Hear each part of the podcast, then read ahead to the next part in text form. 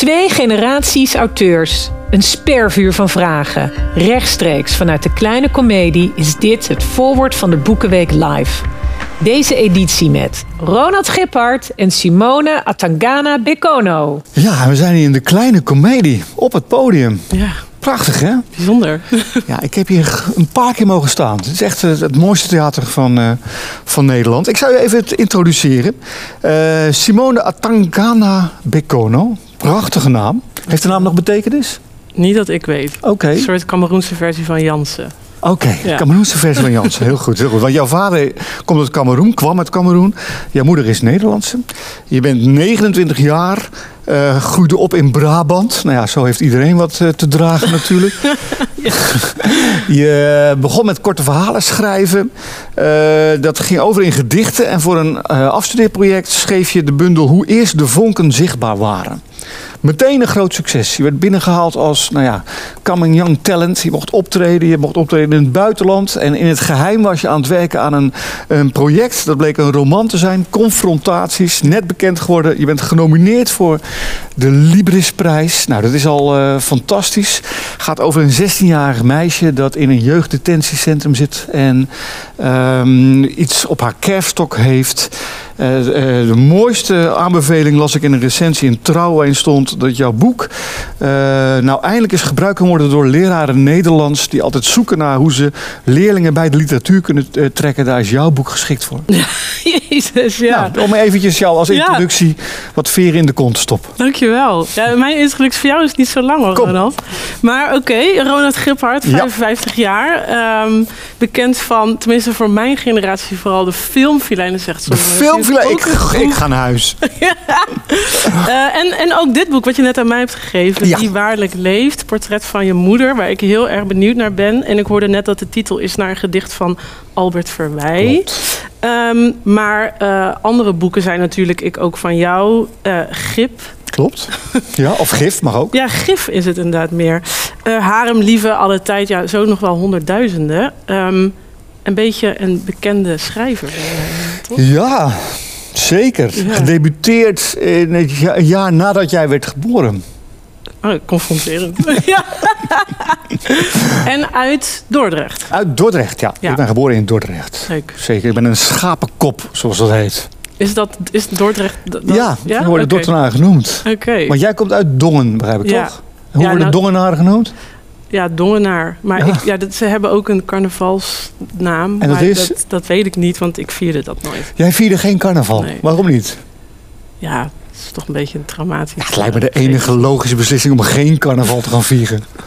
Het is, ja, het is denk ik iets Brabants wat niet in mij zit. Ben je wel eens op het boekenbal geweest? Ik ben nog nooit op het boekenbal Kijk, geweest. want dat is wel carnaval voor schrijvers. Ik zou, eh, ik zou vorig jaar gaan, Ja. maar toen eh, eh, was COVID. En toen was ik zo slim om Heel goed. niet te komen. Dus Heel goed. nee. Hey, nou ligt daar een stapeltje kaartjes. En ik geloof Ja. dat de bedoeling is dat wij daar kaartjes van afnemen en vragen en stellingen gaan beantwoorden. Ja. Zullen we beginnen? Oké, jij, neem jij? Neem ik, ga ik eerst? Ja. Ronald, Ja. welke auteur bewonder je? Ik bewonder Philip Roth, een Amerikaanse schrijver. Ik bewonder eh, Arno Gunberg. Ik bewonder Tommy Wieringa. Eh, ik bewonder Joost Zwageman. Eh, ik bewonder Jeroen Brouwers. Ik bewonder Christine Hemmerrechts. Ik bewonder heel, heel erg veel schrijvers. Cool. Oké. En ehm, wat is, mag ik een vervolg? Uiteraard. Ehm, wat, is, wat denk je dat de gemene deler is tussen die schrijvers wat je aan ze bewondert? Of misschien waar je op zoek naar bent? Of... Ja, nou, grosso modo zou je kunnen zeggen dat je hebt verhalenvertellers en je hebt stylisten. Ja. Ehm, dus een verhalenverteller vertelt een, een verhaal met een begin en een eind en een bedoeling en om over na te denken. En een stylist geeft de taalvorm. Ik denk dat Ja. ik grosso modo meer van stylisten hou dan van verhalenvertellers, maar het een hoeft het ander niet uit te sluiten. Nee, precies. Vraag voor jou van het kaartje. Welke pagina's uit je oeuvre betekenen het meest voor jou? Pagina's. Pagina's. Oh. Nou, heb je eh, gelukkig een oeuvre dat nog een Ik beetje heb een beperkt is? ja. Ehm, ik denk dat voor mij, eh, ja, wat zit nu het meest vers in mijn hoofd? Natuurlijk het boek, eh, Confrontaties. Ja. En ehm, ik denk dat waar ik het meest. ehm, nou, waar ik het hardst aan heb gewerkt, misschien waren de pagina's waarin het hoofdpersonage probeert te begrijpen hoe een televisieprogramma, wat in het, uh, in het boek voorkomt, tot stand is gekomen. En daar komt een soort uh, cynische blik naar boven. Waarvan ik heel blij ben dat die, tenminste hopelijk, is gelukt. Het is een soort what if. Uh, Wauw. ja. Ik zit het nu te lezen. Ik was meteen geraakt door eh, de openingsscène. Waarin een groep leerlingen eh, een zwerver, tenminste, even, volgens mij is het een zwerver, ziet. En dan muntjes naar hem ja, begint te gooien. Een man die op het terrein van een asielzoekerscentrum staat. Ja, ja, ja, wel goed. eh, Ik heb het ge... Je bent nog bezig. Ik ben ook bezig. Ik ben ook bezig. Eh, en zij, go- zij gooien muntjes als een soort pesterig gebaar. Ja. En het, de hoofdpersoon doet daar niet aan mee. En Ja. kijkt eigenlijk met die man naar die muntjes die daar op de grond liggen. Hoe, waar komt dat beeld vandaan? Ehm, waar het beeld vandaan komt is ehm, dat ik, ik heb dat wel eens gezien. Ah, Ja, en dat vond ik toen best wel aangrijpend. Eh, ik was toen zelf ook nog een kind en het was, dat was een van de eerste beelden waarvan ik dacht, daar wil ik iets mee doen voor het boek. Want het, het is zoiets vreemds, zo'n... eh, ja, kinderen die... Het was niet per se namelijk uit kwaaie wil. Dat was ook het gekke aan het moment. oké. En dat is me toen heel erg bijgebleven. Dus ja, dat moest erin voor mij. Ja. Is je boek autobiografisch? Nee, nee. Want zo stond het wel op, op een gegeven moment aangekondigd. Maar dat, Ja, dat je het was weer... een leugen. Oh, het was een leugen. Nee, het was. eh, ik, ik, denk dat ehm, er zijn zeker elementen natuurlijk in het boek die autobiografisch zijn, zoals bijvoorbeeld zo'n anekdote. Maar eh, ik, ben, ik, ik, vond dat, ik vond dat te beperkend. Ja. Eh, vooral voor een debuutroman. Dus besloot om het niet te doen. Wat een succes maak je mee met je debuutroman. Kijk, een debuutroman hoort... Er verschijnen 50 debuten per jaar. Dus je moet enorm knokken om een beetje erbovenuit te komen. Jij wordt meteen voor de Librisprijs genomineerd. Ja, dat is wel redelijk absurd. Het, ja, het voelt redelijk absurd. Geweldig, toch? Ja, ja, het is een hele eer. Ja, Zullen we nog een kaartje doen? zeker. Oh, nou, interessant. Wat denk je dat de persoon naast je van de Libris Literatuurprijs vindt? Dus wat denk ik van de Libris Literatuurprijs? Ah, oké. Nou goed, nu is het even opa verteld. Ik heb nog meegemaakt dat hij, eh, dat hij begon, de Lieveris Literatuurprijs. Je had de ACO Literatuurprijs en je hebt heel veel literatuurprijzen gehad. Binnen het vak is dat natuurlijk altijd ja, eh, ontzettend belangrijk geweest met heel veel aandacht. En ik vind dat nog steeds natuurlijk zo. Maar ik vind ook, en ik hoop eigenlijk dat jij daar een klein beetje in meegaat, dat literatuur is geen wedstrijd. Nee, En jij hebt een prachtig boek geschreven vanuit jouw perspectief, vanuit jouw gedachtenwereld. En de vier andere, vijf anderen hebben dat ook gedaan. En het is een beetje onzinnig dat daar dan een jury bestaande uit vijf koekenbakkers gaat zeggen van nee, maar dat is jouw boek. Dat, dat steekt er dan bovenuit. Ja, ja, ja. Maar goed, als je die 50.000 euro pakt, dan denk je daar natuurlijk wel anders over. Ik denk dat ehm, elke prijs, elke geldprijs, of nou, eigenlijk elke prijs, het is leuk als je wint. En als je niet wint, hoef je daar nooit rouwig om te zijn. Heel Dus goed. Dat is natuurlijk mijn diplomatieke Ja. antwoord. Oké, vraag voor jou. Yes. Over welk onderwerp zou je nog wel eens willen schrijven? Je hebt natuurlijk een, je, je gaat, je hebt een hele oeuvre nog voor de boeg. Je gaat Ja. over heel veel onderwerpen nog schrijven. Wat, Ja. wat zou je bij de kladden willen grijpen ooit? Want je, je, boek, je eerste boek gaat nu over racisme een beetje ook. En, ja. en identiteit en wie je bent en opgroeien, coming of age. Je gaat zelf ook ouder worden. Wat, Ja. wat zou je nog willen schrijven? Ja, dat vind ik heel moeilijk. Want ik denk, ik denk toch dat. Ja, ik, ik, ik, ik, ik, ik zou ooit wel echt een, een crimi willen schrijven. Wauw! Ja. Ja, ja, ja, ik vind dat dus echt heel leuk. Maar ik bedoel, misschien dan op mijn manier. Dus ik weet niet of ik dan ook per se een hoe dan het zou schrijven. Maar het lijkt me wel, want ik kan niet zo heel goed plot en dan oh en eh, ik, dat is voor mij een soort eh, heel vreemde manier van nadenken voor mij persoonlijk. ja, ja, dus ik kan, ik kan niet zeggen, oké, ik wil dat dit gebeurt en daar ga ik naartoe schrijven. Maar bij een, bij een crimi moet dat wel. En van welke crimies hou je? Hou je van meer van Zweeds, van Scandinavische crimies? Nee, ja, echt van die Engelse, weet je, Oké. Agatha Christie en zo. Oké. eh, ja. Grappig. Dat is heel raar, hè? ja. Maar goed, dat zou ik dus ooit nog wel een keer willen doen. En in je thematiek, waar, wat... Qua thematiek, ja. Ehm, ik zal ooit vast nog wel een keer over de liefde schrijven. Ah, Ja, maar niet nu. Want, waarom niet nu?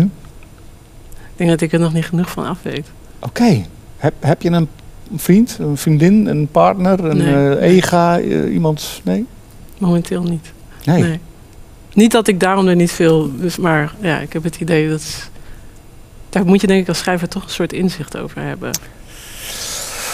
Ja. Of over als- krijgen. Als schrijver je- moet je maar één ding.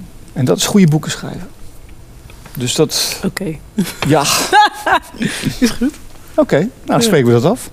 We gaan het zien. Oké. Kaartje? Waar was je twintig jaar geleden?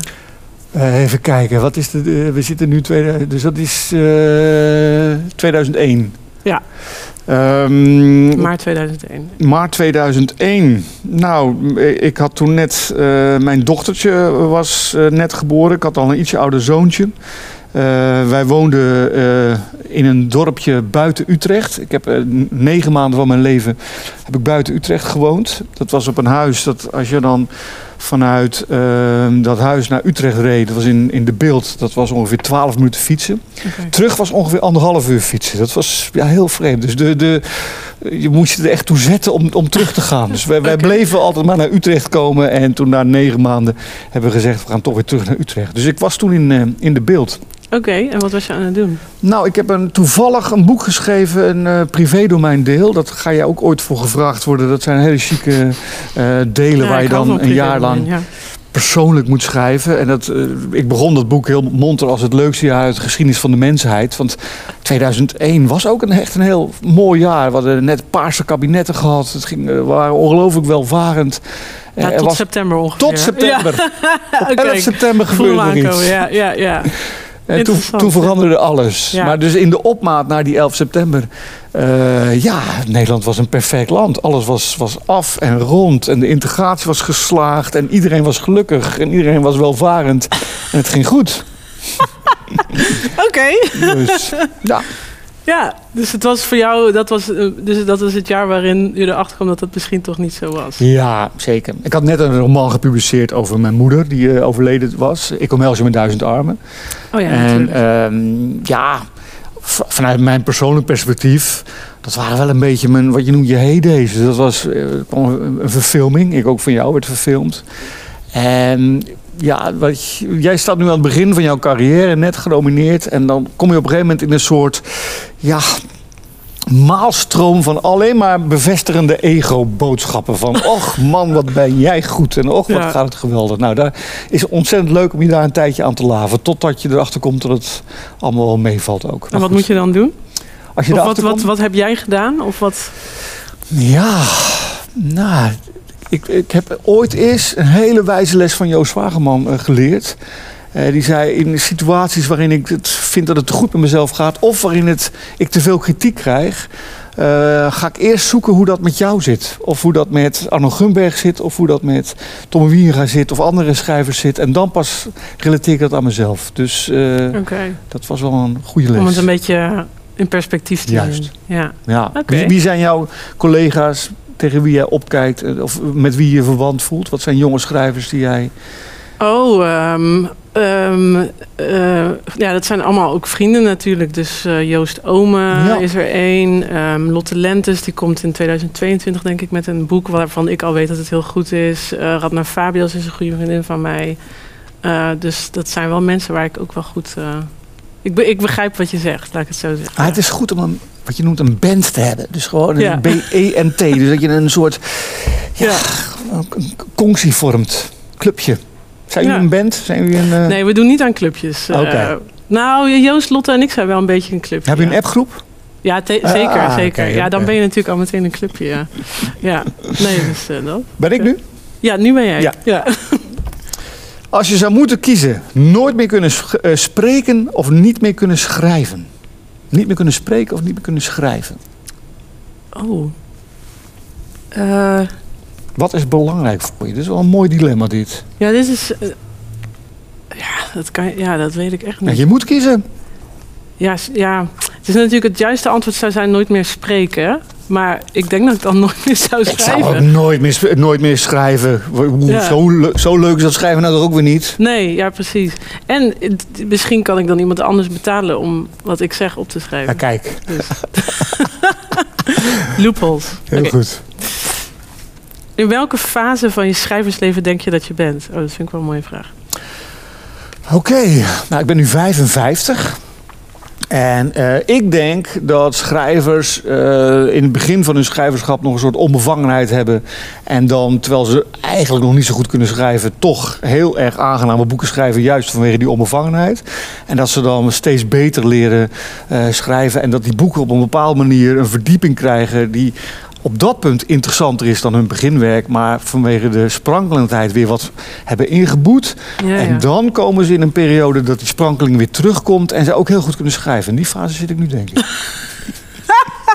Dat, is, dat is fijn. Dat lijkt me heel fijn. Nou. Ja. Dus, dus een fase van souplesse misschien ook een Dat is beetje. heel goed gezegd. Ja, Souplesse. oké. Ik schrijf nu in een week meer dan ik vroeger in, een, in drie maanden schreef. Bij wijze Dus de productiviteit is echt wel Ja, hoog. zeker. En, en ook eh, de focus wordt wat groter en de skills worden wat, wat, wat. Ik weet wat sneller wat, wat werkt en wat niet werkt.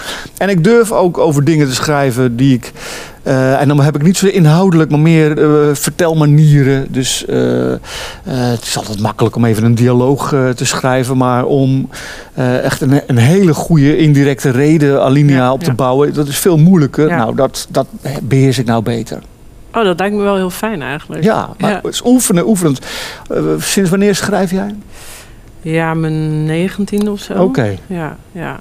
Al wel een tijdje, maar ja. Want ik las over jou dat jij je ook een tijdje van de literatuur hebt afgewend vanwege jouw moeder.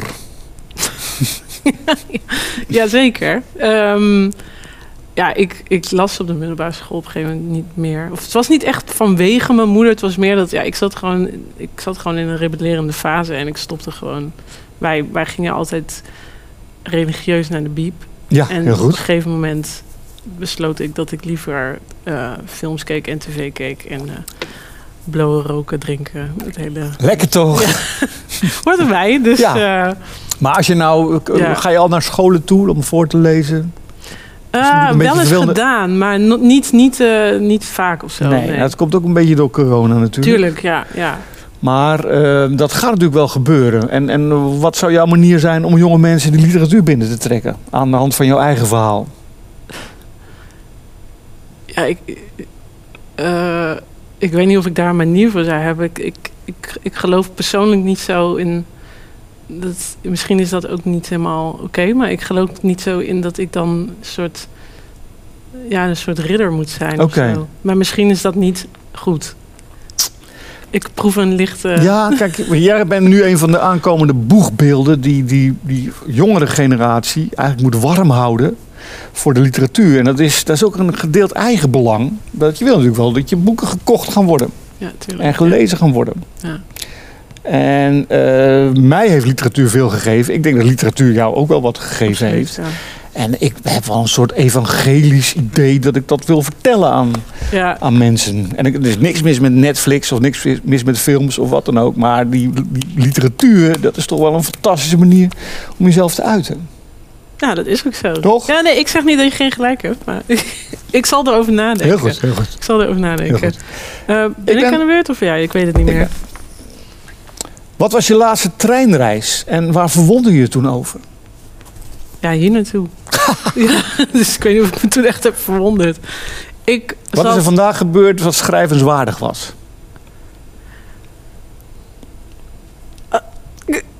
Ik zat in de trein van Rijswijk naar Den Haag, Holland Spoor. En toen... Wat is er gebeurd dat noemenswaardig was? Nou, ik werd wakker. Dat was niet in de trein. Maar toen... eh, ik woon nu in een flat. En die Ja. is heel hoog, want Rijswijk. En toen was, zag ik niks. Dus alles was wit. Want het was heel mistig. Ja, En dat was wel Maar- mooi. daar heb je je begin van je hoe dan het. Ja, precies. Ja, die ga ik opschrijven hierna. Ga ik zeker doen. Ja, goed. Oké. Oh. Maar jij krijgt de hele tijd vragen over mij. Oh. Welke vraag denk je dat de auteur naast je het vaakst krijgt? Eh, ik denk dat je heel vaak tegenwoordig, zeg maar de afgelopen weken, gevraagd bent wat je vond van de, eh, het gedoe rondom eh, de vertaling van het gedicht van Amanda Gorman en Marie, hoe heet ze, Marieke Lucas Rijneveld. En of jij dat niet had willen doen. Ja. Ja. Is dat gebeurd? Ja. En ik, ik laat nu stil te vallen, want ik hoop dan dat je het antwoord ook... Ik, ja, Wat, wat vond je van de hele kwestie? Wat vind je van de hele kwestie? No comment. No comment. Heel Ja. goed. ja. Ik ben blij dat ik via deze manier die vraag naar jou kan rond, eh, doorspelen. Want dat is natuurlijk wel ja.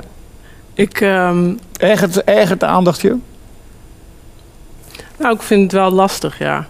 Ik vind, ik vind het lastig hoe het gesprek wordt gevoerd, wat de gevolgen van zo'n gesprek zijn, de aannames die worden gedaan. Ehm, Eh, eh, Het, het, ge- het gedicht eh, zou moeten vertaald worden in het Nederlands. En men koos, ik leg het even uit voor mensen die Ja. eh, geen idee wat er nu aan de hand is. Men koos voor Maria, Marieke Lucas Reineveld eh, als vertaalster van dat gedicht. Zelf een eminent dichteres, hoewel ze wel aangaf dat ze niet zo heel goed was in Engels. Ehm, en er kwam kritiek op van waarom dat, dat gedicht heeft enorme. het gaat inhoudelijk onder andere ook over de positie van zwarte vrouwen in, eh, in Amerika. Waarom laat je dat niet door een, een, een dame van kleur vertalen. vertalen? Ja, dat was de kwestie. Ja. Daar moeten we nu over na gaan denken. ja, ik ga er niks over zeggen. Dat kan ik en je wilde niks over zeggen omdat je niet wil dat, dat je iets oprakelt? Of... Nou, ik, ik, ik, ik heb er natuurlijk wel over nagedacht. Ik heb er heel veel over nagedacht. Ik heb er ook met mensen over gesproken. Alleen ik vind dat op dit punt ehm, elk ehm, ding wat er nog over gezegd wordt... alleen maar toevoegt aan een soort enorm monster van meningen... waar ik eh, gewoon doorgaans niet zo fan van ben. Dus eh, ik hou me daar graag... eh, ik, ik heb ook zoiets van, ik weet ook niet... Niemand weet hoe dat is gelopen. Nee. Ik denk weinig mensen in ieder geval. En ik ben niet zo van het... ehm, daar dan vervolgens aannames over doen en dan iets over zeggen. Dus ik hou eh, hopelijk enigszins wijselijk mijn mond. Ja, dat doe je heel goed. En, en de laatste vraagje daarover. Wat vond je van de reactie van eh, Marieke? Die... Marieke Lucas heeft volgens mij besloten dus om zich terug te trekken... Ja. en daar vervolgens een gedicht over te schrijven. Ja. En ik ben wel heel geïnteresseerd in wat daarin staat. Wat, eh, wat, ja, wat hun ervaring daarvan is. Ja. Ehm, en ik kan ook begrijpen dat, ze, dat hen zich terug heeft getrokken. Ja. Zeker, ja. Ja, al is het maar uit zelfbehoud. We gaan een ander onderwerp nemen, toch? Ja. Oh, Kan niet. we, we gingen een ander onderwerp. Nou, één heel één antwoord. Wat is de vreemdste ervaring met een lezer?